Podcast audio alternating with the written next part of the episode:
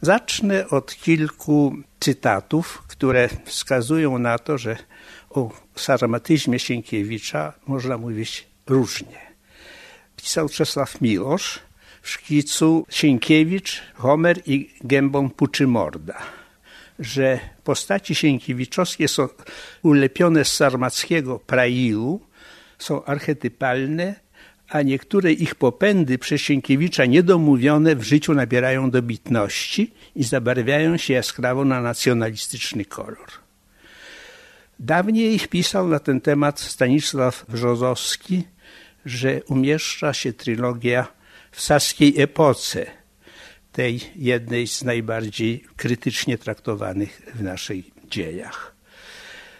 Już później, po II wojnie światowej, Józef Harasiński zwraca uwagę na to, że oto inteligencja polska jest zaczadzona mitem sienkiewiczowskim i ten mit sienkiewiczowski wpływa na jej tożsamość i postawy anarchiczne i konserwatywne. Czy te wszystkie opinie można traktować z jednakową uwagą i z jednakowym przyzwoleniem na tego rodzaju sformułowania? Wydaje mi się, że ciągle istniejemy w sferze wielkiego mitu, wielkiej legendy sienkiewiczowskiej, którą tworzą różni autorzy, różni twórcy, wskazujący na to, że Sienkiewicz jest pisarzem albo niesłychanie konserwatywnym, tworzącym fałszywy obraz historii i tym fałszywym obrazem historii wprowadza w świadomość Polaków różnego rodzaju niewłaściwe myślenie o przeszłości i teraźniejszości, ale z drugiej strony można zapytać inaczej, czy ów sarmatyzm sienkiewiczowski, ujawniony przede wszystkim przez trylogię, jest sarmatyzmem o charakterze bardziej skomplikowanym i niejednoznacznym. I wydaje mi się, że tą drogą należałoby pójść, kiedy się mówi o sarmatyzmie Sienkiewicza. Pierwsza sprawa, o której chciałbym mówić, dotyczy jak gdyby przedpola trylogii. Sienkiewicz, który do trylogii przystępuje w roku 1882, pisząc Ogniem i Mieczem, a kończy panem Wołodyjowskim w 1888, już w trakcie samego pisania w jakimś stopniu zmienia swoją optykę, swoje widzenie sarmackiej i szlacheckiej przeszłości zmienia, ale to nie znaczy, że nie pozostaje przy pewnych prymarnych, podobnych wyobrażeniach. Sienkiewicz rozpoczyna pisarstwo historyczne na początku lat 80. XIX stulecia, a więc właściwie w momencie, w którym pozytywizm ulega załamaniu w pewnych swoich wcześniejszych optymistycznych przekonaniach i równocześnie w jego własnej biografii, wówczas kiedy powraca do kraju z dłuższego pobytu w Stanach Zjednoczonych Ameryki Północnej.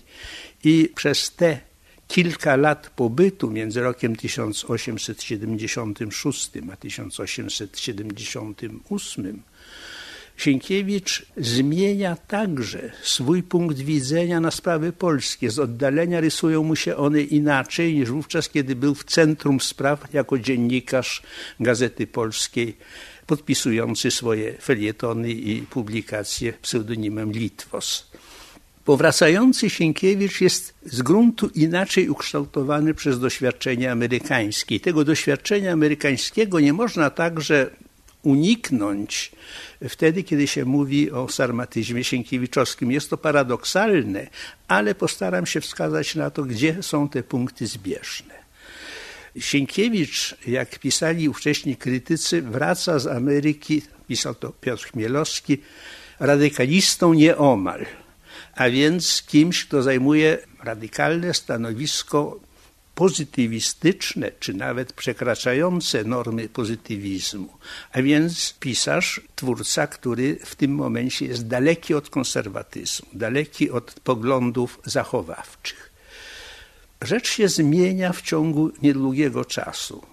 W roku 1882 właśnie, a więc niespełna 3-4 lata po powrocie ze Stanów, Sienkiewicz obejmuje redakcję neokonserwatywnego słowa pisma, które było finansowane przez grupy ziemiańskie, a więc wymuszające na redaktorze pewne także poglądy i zachowania polityczne. Wydaje się, że Sienkiewicz jako mm, redaktor i jako autor ówczesnych tekstów publicystycznych i literackich przechodzi z jednej strony charakterystyczną ewolucję, ale z drugiej strony cały czas widać w jego pisarstwie zwłaszcza, bo to jest dla nas najważniejsze, jednak obecność pierwiastków pozytywistycznych i myślenia uformowanego w Stanach Zjednoczonych. Widzenie przez pryzmat zupełnie inaczej ukształtowanego społeczeństwa amerykańskiego niż społeczeństwo polskie rozbite przez trzy zabory, zniewolone i w związku z tym poddane najróżniejszego rodzaju represjom.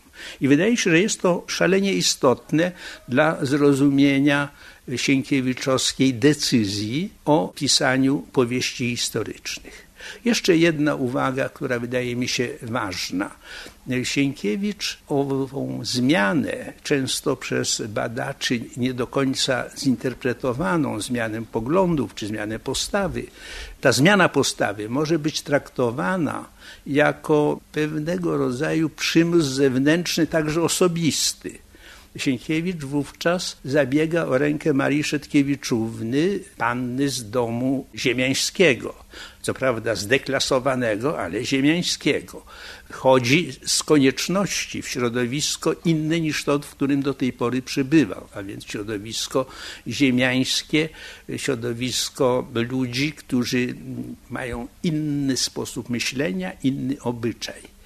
Sienkiewicz z trudem przyjmuje te nowe zobowiązania, także życiowe, ale równocześnie stara się przed nimi w jakimś sensie bronić. Sprawa jest dłuższa, dlatego będę ją tylko wkrótce zaznaczał, ale Sienkiewicz w swojej korespondencji prywatnej, zwłaszcza w listach do Stanisława Witkiewicza, wielokrotnie pisze o tym, jak z trudem przychodzi mu pracować jako redaktor Słowa, którego nie chce prowadzić zgodnie z duchem mocodawców, tych, którzy finansują pismo. Chce stworzyć pismo kompromisowe, pismo, które unika radykalnych poglądów konserwatywnych, stara się stworzyć model pośredni.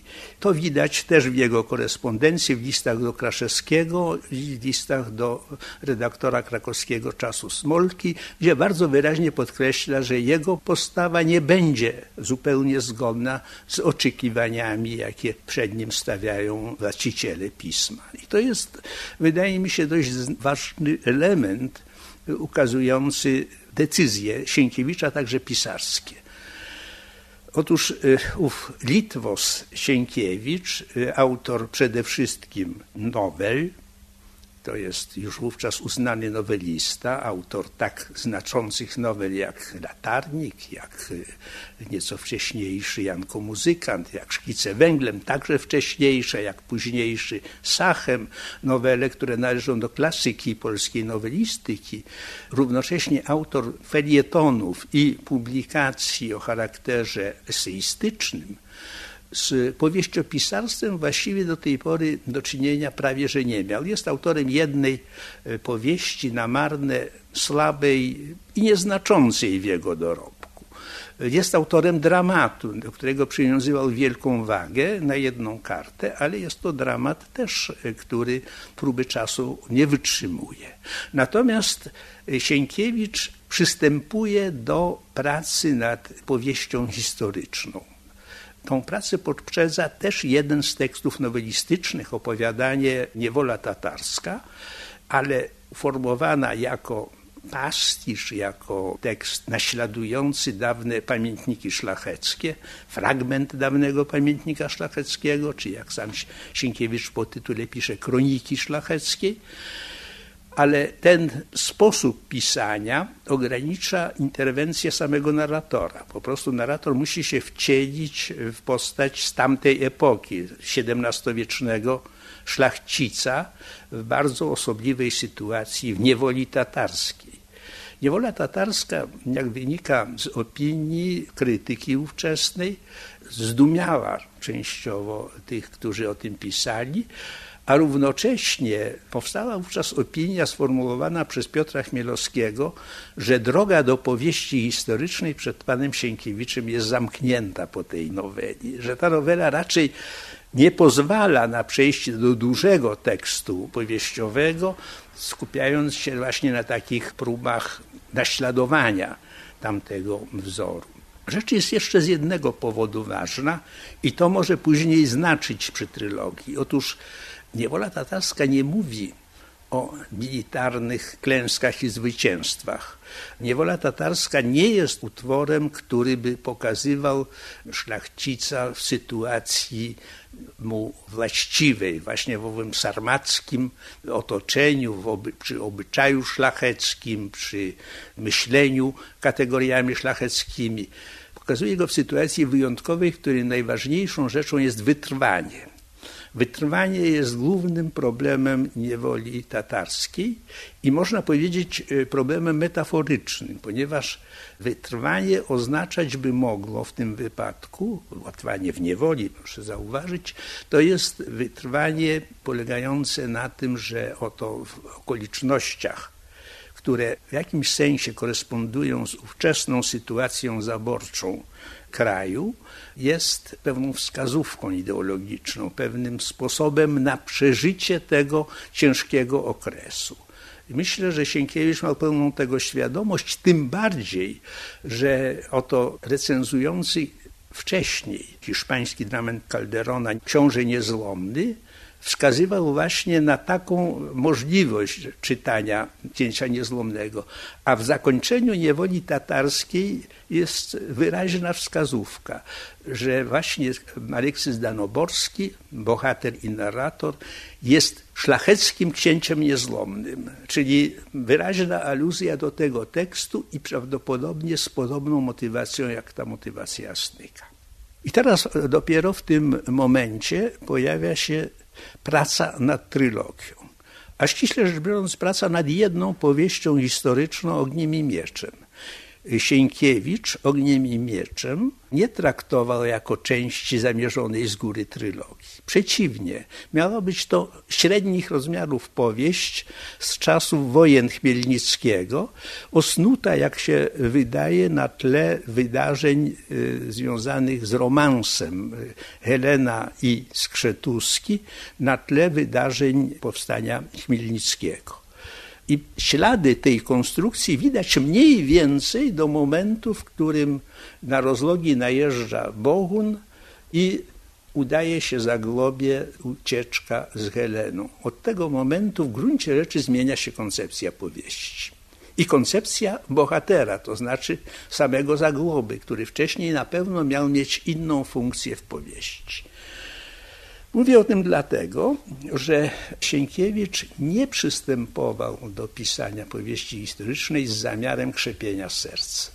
To miała być właściwie próba powieściowa podobna do tych, jakie uprawiano często w literaturze polskiej. Powieść historyczna w literaturze polskiej ma bardzo wysokie miejsce w XIX wieku. Autorów powieści historycznych jest mnóstwo, w tym Kraszewski, w tym Teodor Tomasz Jerz, tym Zygmunt Kaczkowski i wielu, wielu innych. A więc Sienkiewicz miał w gruncie rzeczy wielu konkurentów, wielu poprzedników i sam na razie wpisywał się w podobną konstrukcję co tamci. Oczywiście starał się zająć tu swoje miejsce. I jest to klasyczny przykład powieści, która rośnie razem z, e, jakby to powiedzieć, postawą e, wobec przeszłości autora i równocześnie rośnie razem z oczekiwaniami czytelników.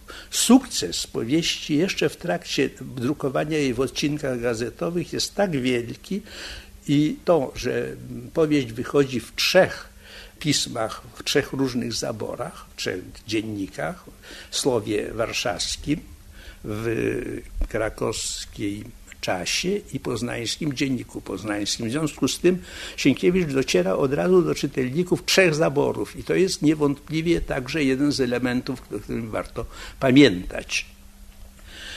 I co się dzieje? No to rozrasta się pomysł, zasada krzepienia serc sformułowana na końcu prawdopodobnie pisarza formowała się dopiero w potopie i to jeszcze nie do końca. Natomiast panu Wolijowskim jest to wyraźnie zawarte w ostatnim zdaniu powieści. Natomiast zakończenie ogniem mieczem jest wręcz przeciwne, ponieważ w zakończeniu ogniem mieczem mówi się wprost o nienawiści, która wrosła w serca i zatruła krew pobratymczą. A zatem jest to wręcz przeciwne, niekrzepiące zdanie. To wszystko było potrzebne jako pewne tło dla pokazania tego, co Sienkiewicz zrobił z materiałem historycznym i po co był mu potrzebny sarmatyzm jako jeden z ważnych składników obrazu świata XVII-wiecznego.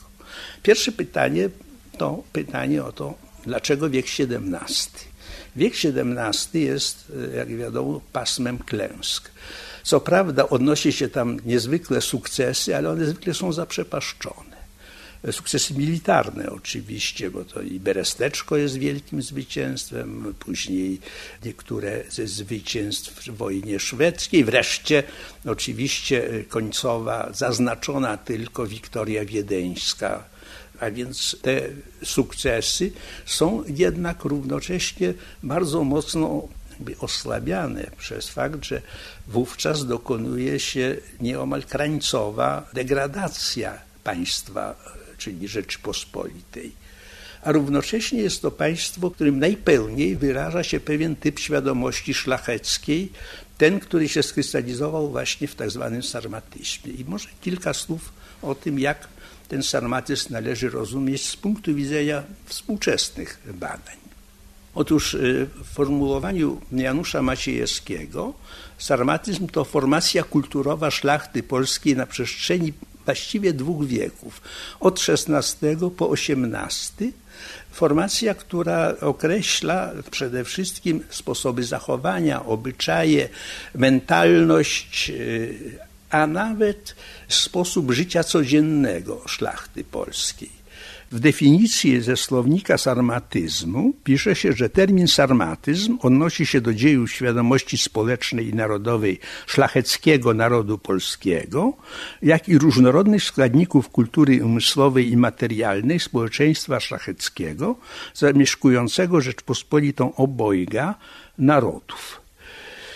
To pojmowanie sarmatyzmu i to jest zastanawiające. W dużej mierze Sienkiewicz intuicyjnie zastosował nieomal w całości swojej powieści. Alina Nowicka-Jeżowa, badaczka literatury staropolskiej, wybitna badaczka literatury staropolskiej, napisała artykuł, którym pokazuje, jak nowoczesne są poglądy Sienkiewicza właśnie na sarmatyzm i na barok. A Sienkiewicz określenia sarmatyzm prawie nie używa, a baroku wcale. Ale konstrukcje, opisy, prezentacje i kreacje postaci wskazują wyraźnie, że dokładną miał świadomość tego, czym sarmatyzm w tym czasie jest.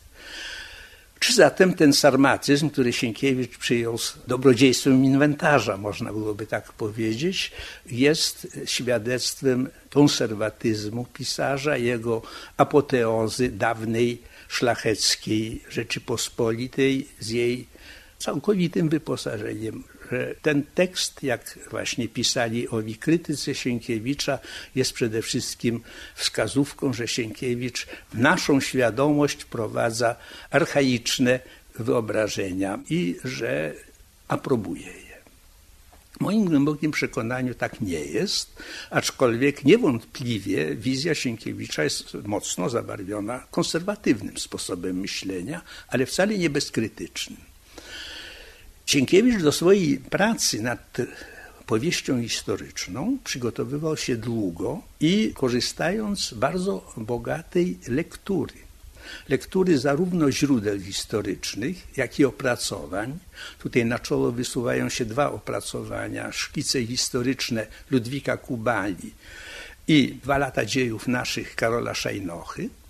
Wreszcie, co jest nie bez znaczenia, Sienkiewicz czyta literaturę piękną tamtych czasów oraz literaturę piękną współczesną o tamtych czasach Sienkiewiczowskie myślenie o historii jest z jednej strony oczywiście wynikiem jego fascynacji historycznych i lektur dotyczących prac historycznych i dzieł o historii. Ale znaczną i powiedziałbym, że niezbyt dobrze opisaną formę przyswojenia przeszłości dla Sienkiewicza stanowiły utwory romantyczne a przede wszystkim Juliusz Słowacki, którego Sienkiewicz wyróżniał z pomiędzy innych twórców epoki romantycznej. Sienkiewicz wielokrotnie do tego nawracał. Cytował wielokrotnie Słowackiego przy różnych okazjach, co ciekawe, głównie Beniowskiego. Beniowski był dla niego takim wzorcowym poematem, ale ważnie dlatego, że dramatem ironicznym Sienkiewicz ironią Słowackiego chętnie się posługiwał. Także ważne były dla niego te myśli czy te poglądy Słowackiego, które wyrażały się w jego dramatach historycznych. Y, dramatach, które także sięgają po wiek XVI i XVII. A więc dla Sienkiewicza ważny był ten y, motyw, który u Słowackiego pojawiał się jakby wydobyciu i podkreśleniu wartości wolności szlacheckiej i demokratyzmu szlacheckiego. Mit Konfederacji Barskiej między innymi, aczkolwiek Sienkiewicz o Konfederacji Barskiej chyba ze zrozumiałych względów, bo cenzuralnych nie pisał. W każdym bądź razie z jednej strony Beniowski, z drugiej strony dramaty o Samuelu Zborowskim czy o Mazepie miały tutaj pewien wpływ na Sienkiewiczowską wizję szlacheckiej Rzeczypospolitej i pozwalały mu na i dystans, i aprobatę, które y, u Słowackiego y, pojawiają się w takiej opozycji duszy anielskiej czerepu rubasznego, jako elementu właśnie owej przeszłości. Jednym słowem, Słowacki ma swój udział w wykreowaniu świata trylogii i także sarmackiego świata ze względu na ten y, ogląd y, szlacheckiej Rzeczypospolitej, który pojawia się w jego twórczości. Wszystko to składa się na jego koncepcję, na jego wizję świata historycznego w trylogii. Wydaje się ograniczone widzenie Sienkiewicza przez pryzmat prawdy czy fałszu historycznego. Chodzi raczej właśnie o ową generalną wizję przeszłości. Fakty mogą być użyte rozmaicie, natomiast co jest interesujące, Sienkiewicz z dużym znawstwem odtwarza mentalność i sposoby działania ludzi tamtego okresu w sytuacjach ekstremalnych, ponieważ pokazuje ich w momencie największych klęsk Rzeczypospolitej i w momencie, w którym Rzeczpospolita jeszcze ratuje się przed ostateczną zagładą.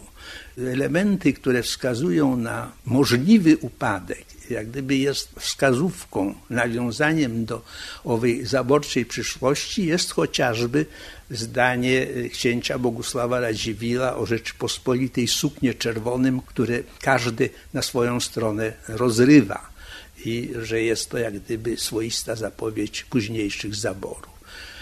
Natomiast w Sienkiewiczowskiej wizji świata decydującą rolę odgrywa jego koncepcja parokrotnie w jego publicystyce wskazana, że oto, żeby dobrze odtwarzać przeszłość, należy się wcielać w mentalność ludzi dawnych. Wcielać mentalność, to znaczy nie pisać z dużego historycznego dystansu, ale próbować wpisać rzeczywistość tamtą w pojęcia, którymi posługują się bohaterowie i postaci. Nie znaczy to oczywiście, że narrator Sienkiewiczowski nie jest narratorem XIX-wiecznym. Kontroluje tamten świat, stara się go w jakiś sensie ocenić, ale w dużej mierze oddaje głos swoim postaciom, w trylogii dialogi i wypowiedzi postaci zajmują prawie połowę tekstu. To jest jak na powieść historyczną bardzo dużo. Dawne powieści historyczne głównie bazowały na narracyjnym komentarzu, na rozbudowanych partiach narracyjnych. Sienkiewicz narrację stosuje dość oszczędnie, często sprowadzając ją do opisu i prezentacji bezpośredniej postaci, a poza tym opowiadając o kolejnych zdarzeniach. Natomiast komentarzy u Sienkiewicza nie ma za wiele. Zresztą te komentarze często są w tak zwanej mowie pozornie zależnej, a więc gdzie punkt widzenia ludzi tamtej epoki i punkt widzenia Sienkiewicza nakładają się na siebie, wymieniają się jak gdyby. Otóż wracając do tego głównego wątku, Sienkiewicz, odtwarzając mentalność ludzi dawnych, właśnie wyposaża je w cechy sarmackie, ale te cechy sarmackie równocześnie uniwersalizuje w pewnym stopniu. To znaczy wydobywa z nich te aspekty, które mogą być ważne dla współczesności, a więc aspekt patriotyzmu. Takie pojmowanie wolności szlacheckiej wówczas, że ona koresponduje z kategorią niepodległości, kategorią antylojalizmu, czyli przeciwstawienia się takim postawom, które aprobują stan zaborczy. Sienkiewicz zresztą pisze swoją powieść przeciwko ugodowcom. I wydaje mi się, że to jest także jeden z elementów kształtowania takiego świata przeszłości. Ale teraz, jeżeli patrzymy uważniej na obraz świata historycznego w trylogii, to widzimy w nim nie tylko trudno to nazwać nawet aprobatą, ale w każdym bądź razie opis y, sarmackiego świata z sympatią. Owszem, są tam elementy sympatii i wyraźne ślady fascynacji Sienkiewicza przeszłością. To jest niewątpliwe. Ale równocześnie dostrzegamy tam cały szereg elementów krytycznych, które może umykają wówczas, kiedy czytamy trylogię jako powieść akcji, czy jako powieść przygodową, sensacyjną, ale które przy uważniejszej lekturze dają się wyraźnie rozpoznać. Nieprzypadkowo głównym nosicielem sarmatyzmu w trylogii jest y, Zagłoba, a więc postać, która posiada cały szereg cech wcale nie do zaaprobowania, ale która jest sympatyczna przez to, że pisarz na nią patrzy z humorem, że jest to postać zarówno humorystyczna i jakby to powiedzieć, producent humoru. Sienkiewicz buduje tak postać Zagłoby, żeby jego niewiarygodne wypowiedzi, jego fałszywe z gruntu wypowiedzi o wolności szlacheckiej, o równości szlacheckiej, y, jego warcholstwo było traktowane nie tylko jako element jego jakby powiedzieć, dezaprobaty tej postaci, ale także z pewną sympatią. Jest to postać, która jest właśnie dlatego wiarygodna, że stosuje tego rodzaju sposoby mówienia. To jest bardzo wyraźne. Język Zagłoby jest bardzo zróżnicowany. Zagłoba się wciela w różne role, właśnie różne role sarmackie. Ale równocześnie Sienkiewicz traktuje go i z pewnym e, rodzajem sympatii, i z dystansem ironicznym. Jest to postać właśnie pod tym względem ambiwalentna, widziana dwojako. Żeby nie być gołosłownym, oto Zagłoba wygłasza kilka zasadniczych formuł, które ważne są dla sarmatyzmu tamtego czasu. Te formuły dotyczą między innymi właśnie owej równości szlacheckiej, która pozwala mu stawiać się w pewnym sensie na równi z magnatami, jego kontakty z Magdatami w powieści są elementami znakomitej ironii Sienkiewiczowskiej, ponieważ y, z jednej strony mamy taką znakomitą scenę z oddaniem buławy regimentarza sapierze, wojewodzie witebskiemu sapierze, gdzie znakomitą orację w stylu sarmackim właśnie wygłasza Zagłoba. Jeszcze wyraźniej widać to wtedy, kiedy Zagłoba posluje od Stefana Czarnieckiego do Jerzego Lubimirskiego, marszałka i udaje mu się przeciągnąć właśnie przy pomocy pochlebstwa, pochwały, swoistego panegiryku Lubomirskiego na stronę Czarnieckiego, podporządkować Lubomirskiego Czarnieckiemu. Oczywiście są to elementy fikcji literackiej, ale w tym sensie niesłychanie prawdopodobne, że mieszczą się one właśnie w owej mentalności szlacheckiej doskonale. I właśnie tutaj ujawnia się między innymi owa gra humorem, ironią, dystansem. Co więcej, sarmatyzm, jak się wydaje, w trylogii rozbraja owe niezwykle dramatyczne, pełne y, patosu napięcia. Przeplot scen, gdzie sarmatyzm jest widziany z dystansu ironicznego i tych scen, które są patetyczne, daje taki obraz świata, w którym czytelnik nie jest ciągle jakby narażony na ten wielki, podniosły ton obniżenie tonu to, to jest w moim przekonaniu majstersztyk Sienkiewicza. On to zrobi doskonale i to pozwala na, jakby to powiedzieć, pewien rodzaj oddechu po tego rodzaju wielkich, patetycznych scenach, które zresztą z reguły są przeplatane takimi przejściami od wysokiego do niskiego tonu. Tutaj rzeczywiście czołową rolę odgrywa Zagłoba, ale inne postaci mają cały szereg tego rodzaju cech. Sarmatyzm sienkiewiczowski jest zatem czymś, co wytwarza wizję tamtego świata w sposób zasadniczy. Antoni Potocki, krytyk y, i historyk literatury przełomu XIX i XX wieku, napisał bardzo znamienne zdanie, że jest to napisane po szlachecku arcydzieło, że dalej Pan Pasek mógłby to napisać, gdyby na czasy swoje spojrzał z odległości naszych wieków. To ostatnie zdanie wydaje się szczególnie istotne, ponieważ Sienkiewicz pamiętniki Paska zna na wylot. Sam o ich, tych pamiętnikach pisał i podkreślał ich znakomitą, powiedziałbym, obserwacyjną wartość, wnikanie w codzienność życia szlachty polskiej tamtego czasu. To, że pan Pasek mógłby napisać trylogię, oczywiście jest pewnego rodzaju dowcipem krytyka, ale dowcipem z drugim dnem. Wydaje się bowiem, że Sienkiewicz właśnie kształtując obraz świata przedstawionego w trylogii, miał w pamięci ten paskowy ogląd świata, ale wobec niego zachowywał określony rodzaj dystansu. I ten dystans to jest jeszcze jeden element, na który warto by było zwrócić uwagę.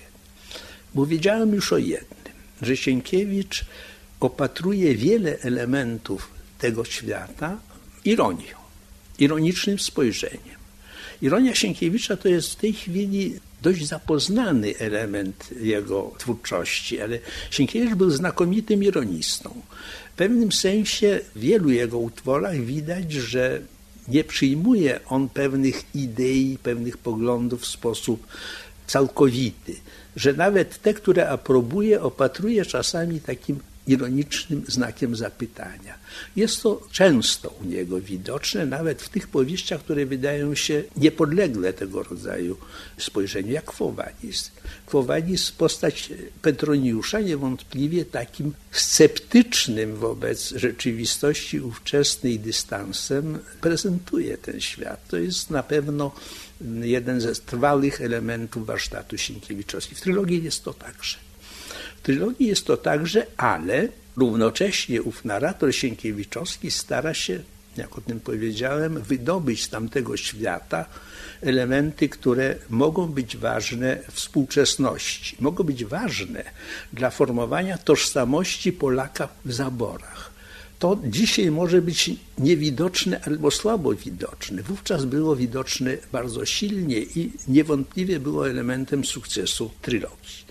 Sienkiewicz mianowicie dążył do tego, aby główne elementy widzenia owej sytuacji kraju i państwa zagrożonego swoim bycie. Sienkiewicz był państwowcem w pewnym sensie i dla niego ważna była niepodległość połączona z rzeczywistością mocnego państwa. E, widać to także w jego publicystyce i recenzjach, na przykład książek wychodzących z kręgu historyków szkoły krakowskiej, takich, którzy na przeszłość Polski patrzyli z dużym krytycyzmem. Sienkiewicz natomiast próbował tutaj jak gdyby mediować, starać się znaleźć w przeszłości te aspekty, które są pozytywne obok tych, które niewątpliwie zasługują na potępienie. Sam pisał to w takiej metaforze, że Chrystusować przeszłość jest przesadą, natomiast nazywać się jawną grzesznicą nie mniejszą. Czyli rzeczywiście chodziło Sienkiewiczowi o wypośrodkowanie, a to widać także w trylogii.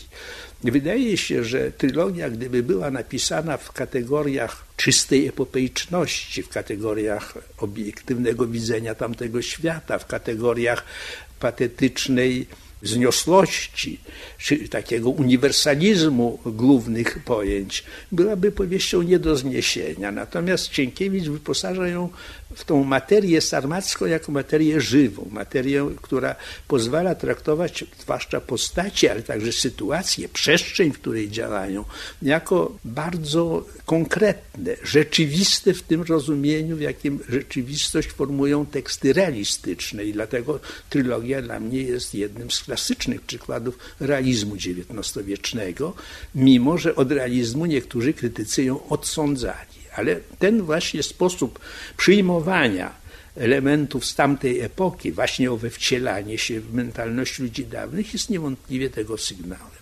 I teraz wypadałoby odpowiedzieć na pytanie, jak sarmatyzm trylogii oddziaływuje, czy może oddziaływać na czytelnika. Od razu trzeba powiedzieć, że te czytelnicy są różni, że czytelnicy są w różnych pokoleniach odmienni. Na pewno pokolenie popowstaniowe, czyli po roku 63, 863 i pokolenie zaborcze inaczej odczytywało Sienkiewicza i niewątpliwie ta lektura miała istotne znaczenie w formowaniu tożsamości polskiej inteligencji. Nie mówię całego narodu, bo to wtedy byłby anachronizm. Chociaż to jest charakterystyczne, mamy liczne świadectwa, kiedy trylogia była czytana w środowiskach chłopskich i to czytana często głośno, właśnie dlatego, że słuchaczem był analfabeta albo półanalfabeta. Słowem, lektura Sienkiewicza przekroczyła barierę którą stanowiły właśnie owe różnice stanowe czy klasowe tamtego czasu. Właśnie dzięki swojej formule krzepiącej, ale nie tylko w sensie e, dosłownym, e, ale także dlatego, że dając tamten obraz świata i dając ten obraz świata z takim zatarciem dystansu, budowała pewne, jak niektórzy mówili, ciekawe poczytanie. A to jest ważne zaciekawienie fabułą nie jest tutaj rzeczą bagatelną. Ale właśnie, jak mówię, dla tamtego czasu jest to ważny aspekt tożsamościowy. Później bywało inaczej. Akcentowano inne elementy i wówczas się zwłaszcza zaczyna przesuwać punkt ciężkości na krytyczną ocenę sarmatyzmu w ogóle i sarmatyzmu trylogii e, w szczególności. Ale wiadomo, że sienkiewiczowskie widzenie świata ożywało zwykle w okresach zagrożeń. Renesans trylogii niewątpliwie to okres II wojny światowej i krótko po wojnie światowej. Ja znam sam wiele osób z pokolenia roczników 1910 i okolice, którzy na pamięć znali trylogię czy tylko dlatego, że ona dawała im krzepiące, także dlatego, że ich fascynował obraz tamtego świata, że sposób ujęcia przez Sienkiewicza tamtego świata był fascynujący, że mówienie Sienkiewiczem, mówieniem zdaniami z trylogii, formułami z trylogii weszło do słownika polskiego, słownika idiomów polskich i zwrotów. To wszystko właściwie dotyczyło jeszcze pokoleń międzywojennych, mojego pokolenia także, to znaczy pokolenia obecnie ludzi już w wieku podeszłym. Oczywiście rzecz się zmieniała z rytmem czasu, z odmiennością korzystania z lektury. Wreszcie, co jest bagatelne, z charakterem kanonu szkolnego. Kanon szkolny czasami przeszkadza, a nie pomaga w recepcji danego tekstu. I Sienkiewicz na pewno też przeżył tego rodzaju niedobre przejścia, miał właśnie dzięki takiemu przymusowemu czytaniu. Badania e, między innymi Stanisława Bortnowskiego sprzed lat pokazywały, że o ile jeszcze w latach 60.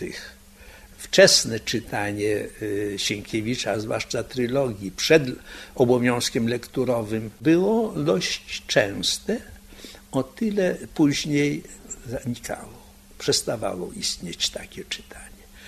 Sienkiewicz zresztą przesunął się ku innym typom jego odbioru przez film, przez różne typy widowisk, przez internet, grę internetową. Sienkiewicz został tam i istnieje. Wart jest zbadania ten jego sposób istnienia, ale to jest już inne istnienie. Natomiast, żeby powiedzieć o tym, co może się dziać, czy dzieje się z trylogią w czytelnictwie tradycyjnym, powiedziałbym tak. Oczywiście trylogia może być czytana w formułach powieści akcji, tak trochę jak Trzej Muszkieterowie z przygodą, zwróceniem uwagi na przebiegi fabularne, z mniejszym zwróceniem uwagi właśnie na owo tło histeryczne uformowane przez myślenie o sarmatyzmie. Ale może być drugie czytanie skupione na właśnie tych elementach powieści. Powiedziałbym czytanie punktowe, kiedy czytelnika interesuje nie tyle wartki przebieg akcji, tylko właśnie owe jak gdyby zatrzymane w kadrze elementy pokazujące postaci w różnego rodzaju sytuacjach, w dialogach, w przemówieniach, oracjach, w różnych kontaktach nacechowanych właśnie sarmatyzmem. Kiedyś profesor Axer powiedział, że czytanie trylogii powinno być czytaniem elitarnym. Właśnie dzięki temu, że możemy odczytywać głębszą strukturę powieści, nie tylko tą, która daje się czytać jako powieść przygody. Mnie osobiście się wydaje, że może nie tylko elitarne, może być także powszechniejsze, ale wydaje mi się, że tego typu lektura z pamięcią właśnie, że Sienkiewicz zafascynowany wiekiem XVII, zafascynowany historią, odtwarzał ją w bardzo takich różnorakich kształtach, że właśnie po to wybrał między innymi obraz sarmacki, żeby z niego zbudować i postaci, i sytuacje, żeby skupić uwagę na mentalności, na zachowaniach, na rzeczach, które czasami są w słowie, bo Sienkiewicz, jak wiadomo, jest znakomitym stylistą, stylizatorem. Umie się właśnie posługiwać owym cudzym słowem pochodzącym z dawnej epoki, ale nie kopiować, lecz tylko w sposób odpowiedni naśladować, przekształcać tamten język. To może być oczywiście i utrudnienie, ale jeżeli się dobrze wczytać w Sienkiewicza, to daje dodatkowe satysfakcje. Mówiąc na zakończenie inaczej. Otóż trudno uznać sarmatyzm wpisany w trylogię przez Sienkiewicza za sarmatyzm jednoznacznie określony.